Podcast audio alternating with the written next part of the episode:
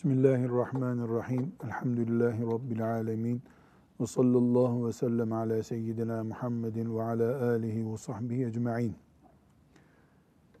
Ashab-ı kiramın Allah onlardan razı olsun, cahiliye bataklığından gelip İslam'ı en güzel yaşayan mübarek bir nesil olduklarını Allah'ın kitabından öğreniyoruz. Peygamber aleyhissalatü vesselamın şahitliğiyle öğreniyoruz. Kesinlikle Peygamber sallallahu aleyhi ve sellem Efendimiz çok dua etti onlara da. Onlar o duanın bereketiyle böyle iyi Müslüman oldular diyemiyoruz. Niye diyemiyoruz? O duayı Peygamber Efendimiz aleyhissalatü vesselam amcası Ebu Talib için yaptı. Ebu Talib için ne yürekli dualar yaptı. İman etsin de. Hatta ne dedi mesela? E, amcacığım sen şu kelime-i tevhidi söyle de gerisini bana bırak. Yani şefaat edeyim, sana dua edeyim diye. Olmadı. Dolayısıyla ashab-ı kiram Rıdvanullahi aleyhim cemiyan e, Peygamber Efendimiz sallallahu aleyhi ve sellemin güzel dualarıyla bizim ifademizde adam olmadılar. Ya güzel sözleriyle büyük oldular. Efendimiz sallallahu aleyhi ve sellemin sözleri onları büyük adamlar yaptı. Nasıl? Dinlemesini bildiler. Dinlediklerini hayatlarına uyguladılar. Uyguladıkları şeylerde ihlaslı, samimi oldular ve Allah'ın izni ile cennete girdiler. Elhamdülillah. Şimdi aynı İslamiyet'in Müslümanlarıyız. Aynı imanla mümin olduk. olduk. Elhamdülillah. Allah'a nihayetsiz hamd ederiz. E o zaman biz de Peygamber sallallahu aleyhi ve sellem Efendimizin sözlerini onların dinlediği gibi dinlersek biiznillahi teala bizim de makamımız yüksek olur. Hadis Ebu Bekir'i, Ömer'i, Osman ve Ali'yi, Enes'i, Ammar'ı, Yasir'i radıyallahu anhum o Müslümanların iyileri haline getirdi. Hadisler, Allah'ın ayetleri. Çünkü hadisler de zaten ayetlerin açıklanması, pratiğinin gösterilmesi şeklindedir. Bugün Müslümanlar olarak Peygamber sallallahu aleyhi ve sellem Efendimizin hadisi şeriflerini haber bültenlerinde tanıtımı yapılan bir ilacı dinler gibi dinlemeyeceğiz de ne yapacağız? Doktorun bize yazdığı ve eczaneden gidip aldığımız sonra da masamıza koyup içtiğimiz bir ilaca dönüştüreceğiz. Pratiği olacak. İnşallah biz de ashab-ı kiramın yükseldiği gibi bu cahiliye sıkıntılarından yükseleceğiz. İnşaallahu Teala. Şimdi 238. hadisi şerifini sallallahu aleyhi ve sellem Efendimizin okuyacağız. Bu niyetle bu hadisi şerifi dinleyeceğiz. Bir, nasıl dinleyeceğiz? Bir, bunu Resulullah sallallahu aleyhi ve sellem konuşmuş. Bu bir alimin sözü değil bir kanun maddesi değil, bir gazete haberi değil, manşet değil, slogan değil, parola değil, peygamber sözü sallallahu aleyhi ve sellem. Bakarken bir defa hadise böyle bakacağız ki gerisine bereket gelsin. Allahu Teala idrakimizi böylece kuvvetlendirmiş olsun. Önce bunu iki bu hadisi şerifi dinledikten sonra elimizi şakağımıza koyup evimizde bu hadis nerede? Günlük hayatımızda nerede? Bu sorunun cevabını muhasebe edeceğiz. Eğer bu hadisi şerif filan günkü tavrımıza yansımıyorsa, e biz bunu niye dinledik? Bunun gereğini yapmak için dinledik. Bu gazete haberi değil, televizyon haberi değil ki e, dinledik haberleri, kapattık televizyonu, yattık aşağı. Öyle mi olur? Ashab-ı kiram ne yaptılar? Bakkaldan 100 gram peynir alıp eve götürüp kahvaltıda nasıl yiyorsak biz Mescid-i Nebi'ye gittiler. Peygamber aleyhisselamdan bir ayet bir hadis dinlediler. Eve geldiler. Hanımlarıyla onu yaşadılar kendilerinde. Beceremeyince gidip bir daha sordular. Ben bunu yapamadım nasıl yapacağım dediler. Böylece bir, beş, on derken Allah'ın rızasını buldular. Biz işimize gücümüze devam edeceğiz. Elbette hadis okuyoruz diye aç kalacak halimiz yok. Çalışacağız. İşimize devam edeceğiz. Düğünümüzü yapacağız. Köyümüzde oturacağız. Şehrimizde oturacağız. Arkadaşlarımızla yine muhabbet edip çay muhabbetleri yapıp e, günlük hayatımızda yaşayacağız. Ama Resulullah sallallahu aleyhi ve sellemin buyurduğu şeyleri de yerine getireceğiz. Çünkü o bize hayatın içinde ilave bir yük getirmiyor. Tam aksine hayatımızı düzene koymak istiyor Resulullah sallallahu aleyhi ve sellem. Şimdi bu mübarek hadisi şerifi sahabeden Enes radıyallahu anh'ın rivayet ettiği bu hadisi şerifi niyetimizi bu ciddiyete ayarlayarak dinleyelim. Hafız Salih Efendi bunun e, Arapça metnini de oku ki ola ki üç tane mümin bundan daha fazla istifade eder. Biiznillahü Teala. Evet. Bismillahirrahmanirrahim. An Enes'in radıyallahu anhu anin nebiyyi sallallahu aleyhi ve sellem kâle. La yu'minu ahadukum hatta yuhibbe li ahihi ma yuhibbu li nefsihi. Enes radıyallahu anh'den rivayet edildiğine göre Nebi sallallahu aleyhi ve sellem şöyle buyurdu. Sizden biriniz kendisi için sevip arzu ettiği şeyi din kardeşi için de sevip arzu etmedikçe gerçek anlamda iman etmiş olmaz. Sizden biriniz kendisi için sevip arzu ettiği şeyi din kardeşi için de sevip arzu etmedikçe gerçek anlamda iman etmiş olmaz. Çünkü mümin kendisine ne istiyorsa bütün ümmetin evlatlarına aynı şeyi ister. Kendisi nasıl serin bir evde oturmak istiyorsa bütün müminler için onu ister. Nasıl kendisi trafikte sıkışmak istemiyorsa o yüzden başka müminler de rahatsız olmasın diye arabasını yanlış yere park etmez. Kendisi evde dinlenirken apartmanın merdivende gürültü olduğundan rahatsız olduğu için aynı şekilde merdivenden inerken gürültü yapmaz. Çünkü kendisi gürültüden rahatsız olduğu gibi öbür mümin de bundan rahatsız olacağını düşünür. Kendisi camiye gittiğinde ter kokan bir Müslüman onun yanına oturunca ondan rahatsız olduğu gibi o camiye giderken başka müminin rahatsız olacağı şekilde ter kokusu ile gitmez. Yoğun parfüm sürüp böyle müminleri rahatsız edecek şekilde camiye gitmez. Çünkü mümin gerçek mümin olmak isteyen insandır. Bir müminin laflığı var, laf mümini. Bir de gerçek mümin var. Gerçek mümin kimdir diyor sallallahu aleyhi ve sellem Efendimiz?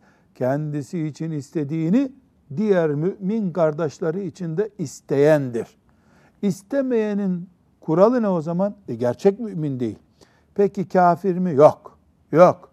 Haşa. İç duygularından dolayı mümin kafir olmaz. Namaz kılıyor. Namaz kılıyor. Bu köydeki tek traktör benim traktörüm olsun istiyor. Mümin kardeşlerinin olmasını istemiyor. Bu seviyesizlik. Bu kabalık ama kafirlik değil. Fakat bir de orijinal mümin var. Ebu Bekir radıyallahu anh'ın seviyesine yükselmek isteyen, onun bulunduğu yerlerde kıyamet günü bulunmak isteyen mümin var. O mümin bu seviyesizliği yapmaz işte. Üzüldüğü şeyden müminlerin de üzülmesini istemez. Sevdiği şeyden müminlerin de sevilmesini, sevinmesini ister.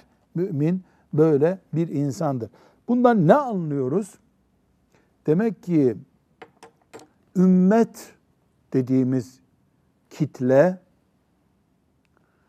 ya da tevhid kelimesinin etrafında toplanmış insanlar La ilahe illallah Muhammedur Resulullah diyerek bir araya gelmiş insanlar Allah'ın onayladığı sevgiyle bir arada duran insanlardırlar.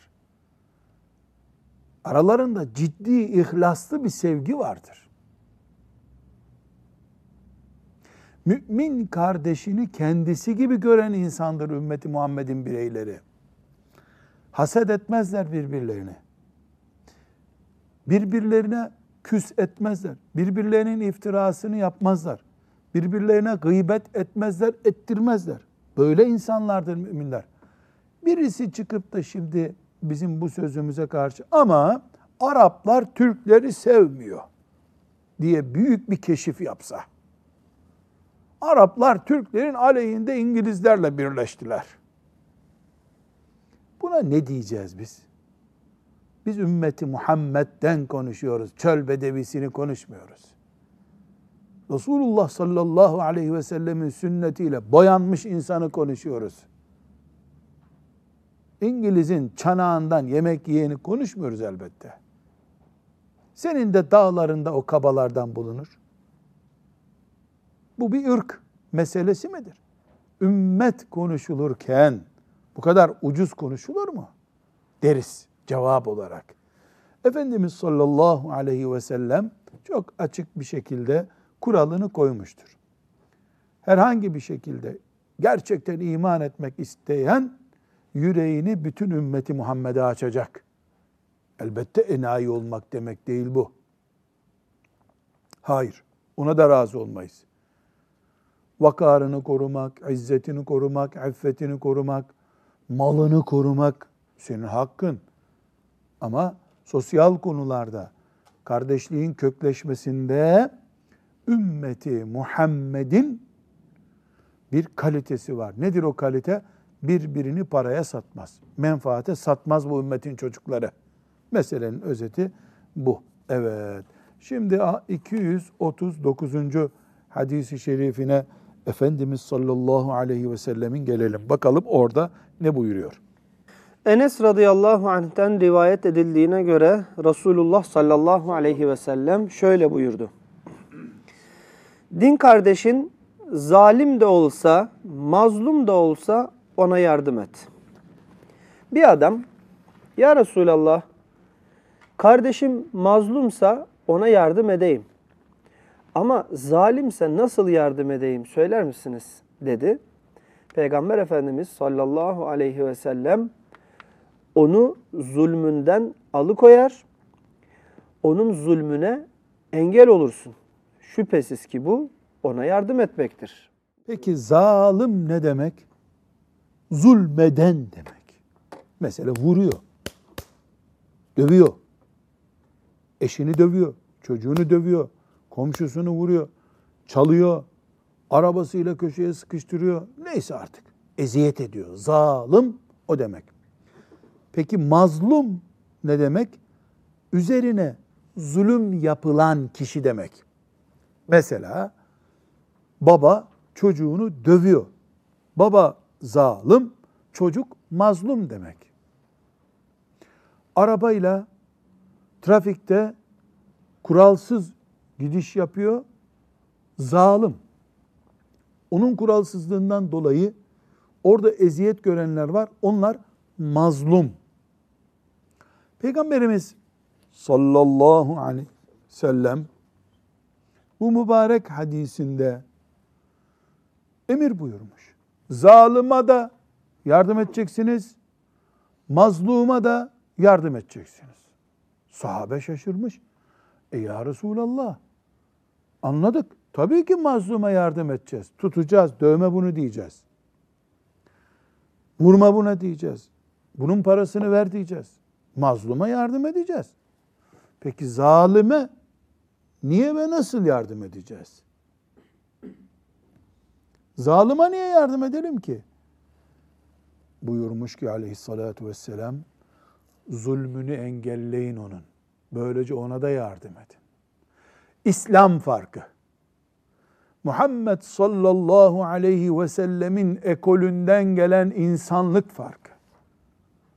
Sadece bombalanan, zulüm gören insanlara çadır kurup kuru gıda dağıtmak değil bu düzey. Ya ne? Zalimin da zulmünü engelleyerek gerçek yardımı oluşturmak. Çünkü sen sadece tokat yiyenlere yardım edersen, hep mazlumlara yardım edersen, zalimi beslemiş olursun.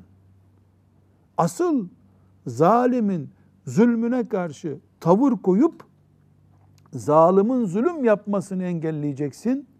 Böylece zalimi de batmaktan kurtaracaksın. İki kere yardım etmiş olursun. İki kişi kurtarmış olursun. Müslüman farkı. Ümmeti Muhammed seviyesi bu sallallahu aleyhi ve sellem. Biz ümmeti Muhammediz dedik ya. Sadece dayak yiyenlerin yarasına merhem sürmek değil bizim vazifemiz. Dayak atanların, kabaların, zalimlerin elini tutarız. Bu da neyi gösteriyor? Müslüman hem mazluma gıda götürecek, merhem götürecek, merhamet tarafı olacak hem de zalimin zulmünü engelleyecek askeri ve siyasi gücü olacak müminin. Organize mümin olacaksın. Sadece fakirlere Afrika'ya çuval çuval buğday götürmek değil bizim kaderimiz. Afrika'yı aç ve sefil bırakan Siyonist anlayışa, emperyalist kafaya da karşı duruş ümmeti Muhammed seviyesidir. Sallallahu aleyhi ve sellem. Biz hemşiresi değiliz bu dünyanın. Hastalananın iğnesini yap. Ya bunu herkes yapıyor zaten. Bu hastalığa, bu mikroba karşı da bir duruş gerekiyor. Peygamber sallallahu aleyhi ve sellem Efendimizin nasihatinden anladığımız kadarıyla. Müslümanın vazifesi bu. Aksi takdirde zalim sana onun yarasına merhem sürmeyeceksin diye tembih eder sonra. Karışma bunlara der. Seni de bombalarım der. Sen zalıma da müdahale edecek güçte görmezsen kendini mazluma da yardım edemezsin. Karışma bu işe dedi mi ne diyeceksin? Karışmayacaksın. Güç ümmeti Muhammed'in elinde olsa zalimler bile cennetlik olacaklar demektir.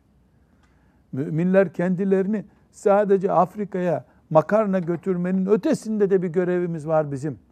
Afrika'dan önce Amerika'nın, Asya'nın, Avrupa'nın ıslah olması lazım diye düşünebilse müminler Allah'ın izniyle de düşünecekler. Onun için hadisi şerif okuyoruz. Bu güç mümini ne yapacak? Biiznillahü teala zalimin bile hidayetine vesile edecek. Biiznillahü teala zalimler müminin gücünden çekindikleri için zulmetmeyecekler. Böylece aslında mazlumu kökten kurtarmış olacaksın. Aksi takdirde Müslüman e, sel bekler, deprem bekler, bombalanmış yer bekler durur. Evet. Bunu tabii global çapta dünya konusu olarak şimdi örneklendirdik ama biraz daha hafifletip evde de yani çocuk e, dayak yerken anne onu kucağına alıyor yani. Bu manzarayı da düşünebiliriz. Çocuğu kurtardığın gibi adama da Allah'tan kork ya ne vuruyorsun çocuğa? Demek de bu hadis-i şerife göre bir emir. Peygamber sallallahu aleyhi ve sellemin emri bu. Demek ki e, İslam'ımız elhamdülillah cahiliyedeki kafayı daha büyük, göklere doğru dik durmuş bir kafaya doğru kaldırmış demek ki. Cahiliye anlayışı nedir? Mazlum dayak yerse yanında dur. Aç kalana ekmek ver. İslam dinimiz aç kalana ekmek ver değil. Buğday üretimi de sağla düzeyine getirmiştir insanlığı elhamdülillah. Ebu Davud'un e, estağfurullah Beyhaki'de rivayet edilen bir hadisi şerif var. Bu hadisi şerif şu okuduğumuz hadisin daha yanlışılmasına yardım ediyor. Efendimiz sallallahu aleyhi ve sellem buyuruyor ki bir Müslümanın namusu ve saygınlığı berbat edilirken ona şahit olup yardım etmeyen Müslümanlar bir gün yardıma muhtaç olduklarında Allah'ın yardımını göremeyeceklerdir diyor.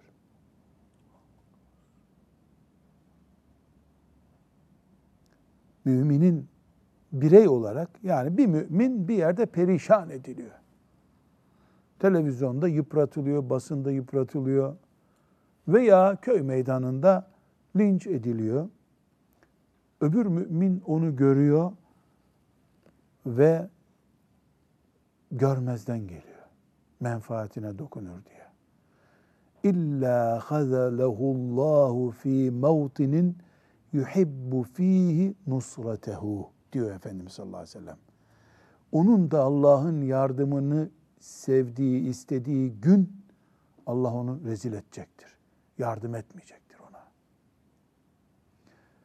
Bundan anlıyoruz ki bizim Müslümana destek olmamız ekstradan lüks bir iş değil. İmanımızla direkt bağlantılı bir iş bu.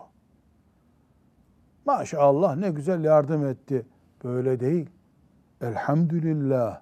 Allah muvaffak etti de imanım gereği yardım ettim diyeceğimiz bir iş. Evet 240. hadisi şerifimizi şimdi okuyalım. Resulullah sallallahu aleyhi ve sellem Efendimiz Müslümanlık öyle oturup Müslümanım ben demekle değil bazı haklar getiriyor, bazı görevler getiriyor. Bunlar nelerdir? Buna örnek verdiği hadisi şeriflerden birisini dinliyoruz. Ebu Hureyre radıyallahu anh'ten rivayet edildiğine göre Resulullah sallallahu aleyhi ve sellem şöyle buyurdu. Müslümanın Müslüman üzerindeki hakkı beştir. Selamı almak, hastayı ziyaret etmek, cenazeye iştirak etmek, davete icabet etmek, aksırana yerhamukallah demek. Müslim'in bir başka rivayeti de şöyledir. Müslümanın Müslüman üzerindeki hakkı altıdır. Karşılaştığın zaman selam ver, seni davet ederse git, senden nasihat isterse nasihat et, aksırınca Allah'a hamd ederse yerhamukallah de, hastalandığında onu ziyaret et, öldüğü zaman cenazesine katıl. Evet. Müslümanlık nedir sorusunu Resulullah sallallahu aleyhi ve sellem'den daha iyi hiç kimse cevaplandıramaz. O da bize Müslümanlık nedir onu öğretiyor. Burada beştir diyor, altıdır diyor bu haklar. Müslümanın Müslümandaki hakları ne beş tanedir ne altı tanedir. Şu anda acilen beş tanesini hemen devreye sokmanız lazım demektir bu. Acil ve herkes için her an gerekli beş tane, altı tane hak var, sekiz tane var. Ama hele bunlar ayaküstü halledilmesi gereken ilk beş hak mesela. İlk beş hak. Hemen ayakta halledilmesi gerekiyor bunlar. Aksi takdirde Müslümanlar daha büyük işlerin altından kalkamazlar. Mesela ne buyuruyor? Selam bu haklardan biridir diyor. Müslüman, Esselamu Aleyküm kardeş diyen birisine ve aleykümüsselam ve rahmetullah demiyorsa eğer, demiyorsa, e bu Müslüman yani daha büyük filan yerdeki dayak yiyen Müslümanları, bombalanan Müslümanları bir kardeşlik hakkı olarak nasıl getirip kurtaracak? Ve aleyküm selam demeyi beceremiyor. Cenazesine katılamıyor da ülkesini imar etmeye o müminin nasıl gidecek? Yani burada Müslümanın Müslüman üzerinde beş hakkı vardır, başka yoktur demek değil. Beş hak böyle ayaküstü yerine getirilecek haktır. Ha? Buradan başlayın buyuruyor Efendimiz sallallahu aleyhi ve sellem. Şimdi onlara bakalım. Müslim'in rivayetine esası. Müslümanın Müslüman üzerindeki hakkı karşılaştığın zaman selam ver. Esselamu aleyküm ve aleykümüsselam mümin selamı. Bunun yerine ne merhaba, ne iyi günler, ne iyi haftalar, iyi akşamlar, nasılsınız, good morning, goodbye, kendine iyi bak, anana iyi bak.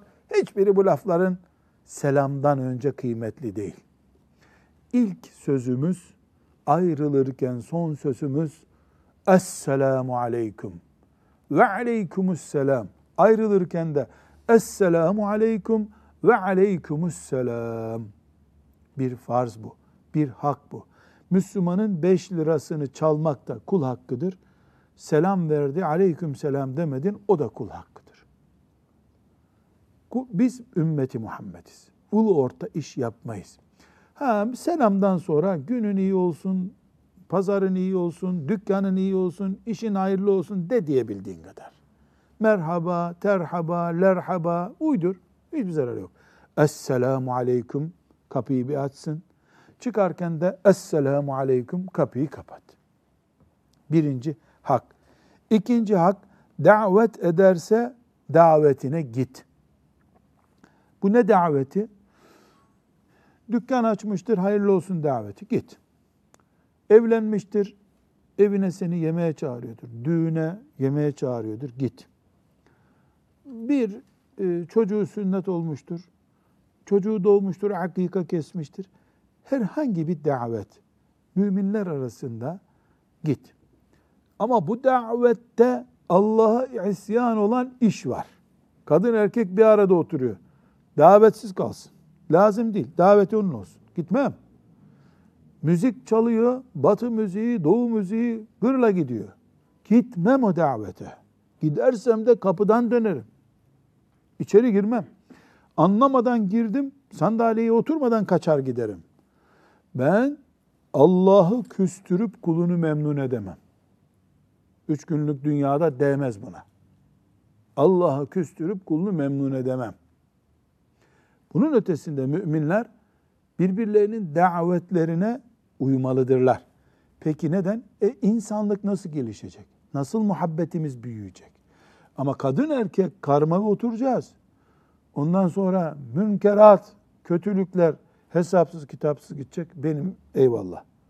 Ben mezara gireceğim, işim gücüm var. Mezarda hesabını verecek işleri çoğaltmamak lazım. Senden nasihat isterse nasihat et. Nasihat etmek ne demek? yani sana soruyor, filanca yerde dükkan açsam ticaretim iyi gider mi? Sen de anlıyorsun bu işten, iyi gider. Tavsiye ederim de. Ben ondan anlamıyorum de. Bu senin görevin. Sana diyor ki filanca kızı gelin alayım mı? Bilmiyorsun sen. Ben onu bilmiyorum de. He he iyidir diye kafadan atma. Bir gün bir hoca efendi Mısır'da okumuş. Mısırlı taksi şoförleri çok lakayttırlar. Bilmediği adresi bile sana tarif eder. Mesela ona soruyorsun Kahire'de filan cami nerede onu bilmiyor. Böyle git biraz sağa dön biraz sola dön sonra dümdüz git karşına çıkar. Atıyor başından. Ben o adresi bilmiyorum demiyor. Böyle nasihat edilmez mümine. Ben filanca hoca efendinin derslerini okuyayım mı? Ben anlamam yavrum ondan. Anlayan birine sor. De. Yahut da de ki o senin için iyi bir hoca değil. Çok sert adam sen dayanamazsın de. Misal yani. Ne biliyorsan. Ve aksırınca aksırmak ne demek? Hıçkırık geliyor. Aksırıyorsun. O aksıran da elhamdülillah dedi. Sen de yarhamukallah de buyuruyor sallallahu aleyhi ve sellem. Mümin nezaketi. Aksırmak ciğerlerinde bir sorun olduğunu gösteriyor. O da elhamdülillah diyor hasta olmadım diye. E sen de Allah sana merhamet etsin de. Mümin nezaketi. Hastalandığında ziyaret et. Mümini. Hastalandı, ziyaret ediyorsun. Hasta ziyareti nasıl yapılır? Tabi inşallah hastalıkla ilgili bölümde geçecek o. Gelişi güzel öyle hasta ziyareti çekirge sürüsü istilası gibi olmayacak. Öldüğü zaman da cenazesinin ardından git. Yani müminin cenazesine git. Buradaki müminin cenazesine gitmeye not düşeceğiz. İki şey için müminin cenazesine git diyor sallallahu aleyhi ve sellem Efendimiz. Bir, ona rahmet olsun.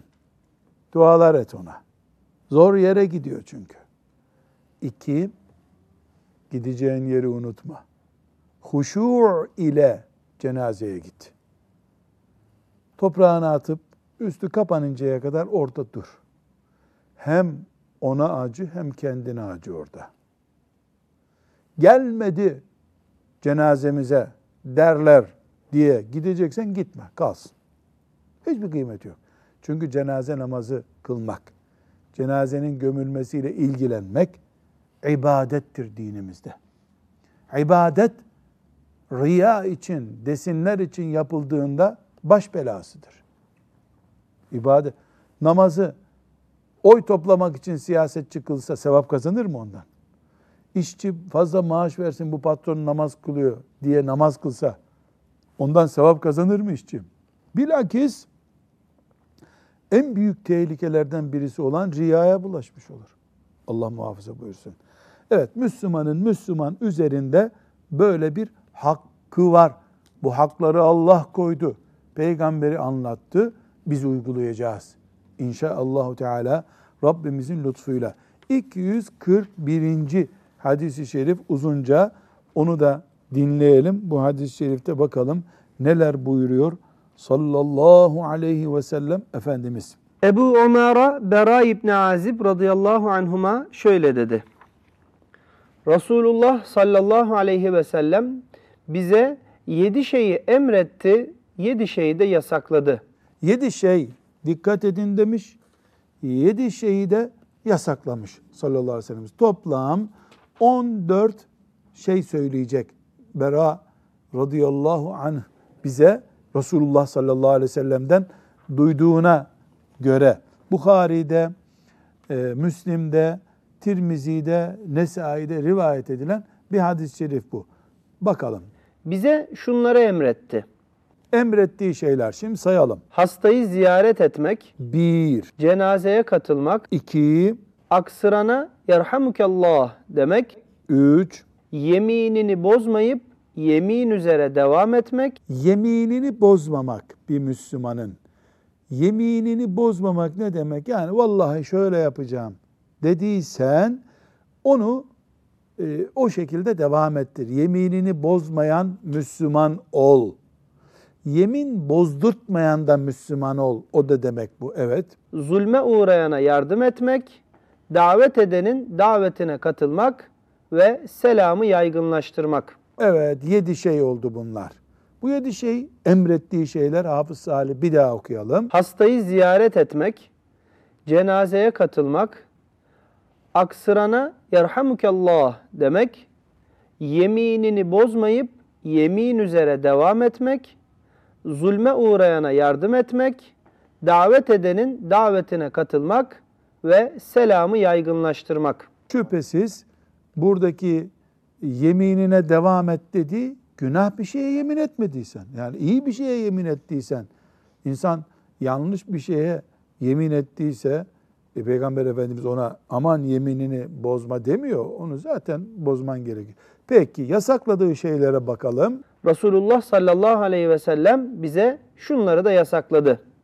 Altın yüzükler veya yüzük takmak, Evet. Erkeğin altın yüzük takmasını velev ki adı alyans olsun. Beyaz altın olsun. Erkeğin parmağına, kulağına, neresi neyse altın kullanmasını Resulullah sallallahu aleyhi ve sellem yasaklamış. Bu ümmetin hiçbir mezhebinin alimi erkek altın kullanabilir dememiştir düğünde de olsa. Bu ümmetin erkekleri altın yüzük kullanmazlar. Bitti.